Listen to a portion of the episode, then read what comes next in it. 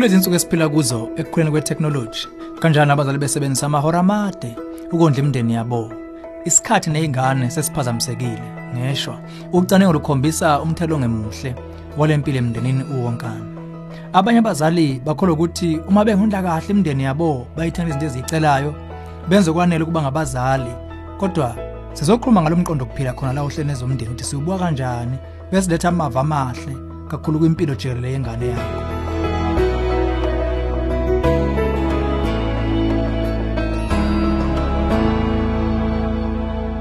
angithatha ithuba ngikubingelele.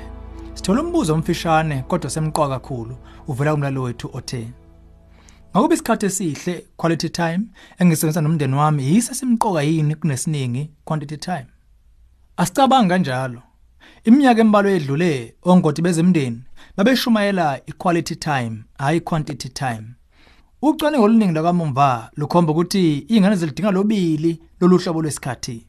Kahlehle uma abazali beziphi isikhathi esiningi nabantu ababo kuyilapho kanye kwehlika amathuba okuba zibe negebe lokuxhumana nabanye abantu inkinga zezemfundo ukusebenzisa idakamizwa ungena ebugebengwini kumbe ungena ocansini phambi komshado. Kusemqoka ukubona ukuthi akuhlali kuyinto engenzeka ukuhlela amaxhama anamava njalo phakathi kwabazali nezingane leyo nto ngeke sanhlobo ucabanga ukuthi ungayifudumeza ngemizwala nje imbalwa yokuba nezingane egameni elithi quality time zonke izinsuku amathuba anqala ukufundisa nokukhombisa inkambo ayokushabalalela unganakile. Ngeke ulibone ithuba uma ungekho eduze ukulicinga nokulibamba. Lokho okuchaza kanye ukuba umelwe ukuzipha iquantity time nezingane zakho. Ngale kokwazi imininingwane ethe xaxa ngomndeni wakho kunzima ukusho ngqo esingakusho.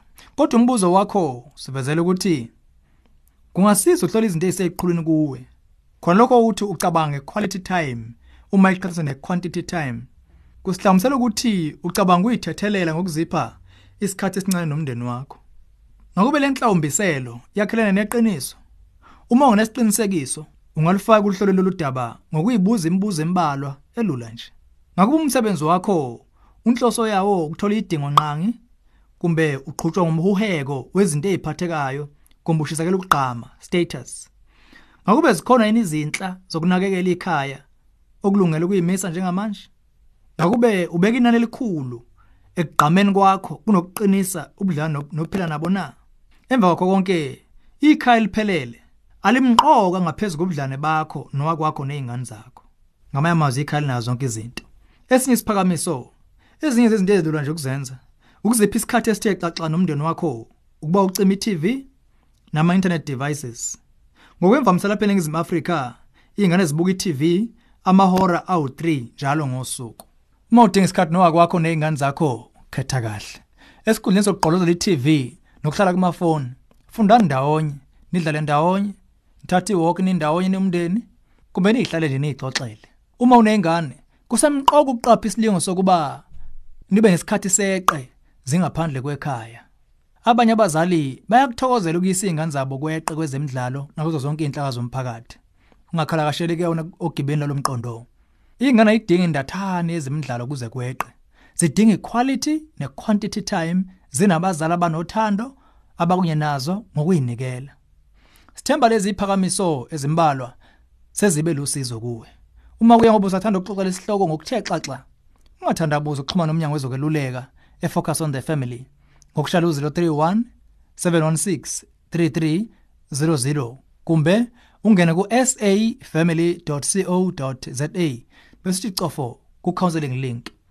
Ngesikhathi usangena ku website yethu usengahlabe kumxhwele kuyinkulungwane zembhalo efaka inqwaba yeinhloko kuphinde kube namakhulu einsiza kwi-online store yethu ehlose ebuzalini nezinye engomndeni jikelele. Ithemba lethu ukuba uthole engqondweni yakho ngokwakho ukuthi kuphi okuhle kakhulu ngomndeni wakho qede bese wenza inguquko ezifanele ukwenza lokho kwenzeke. Lolu hlelo ezomndeni ulethulelwe yi-focus on the family sihlangabezwa hlelo luzayo sesihlabelisa phambili umndeni.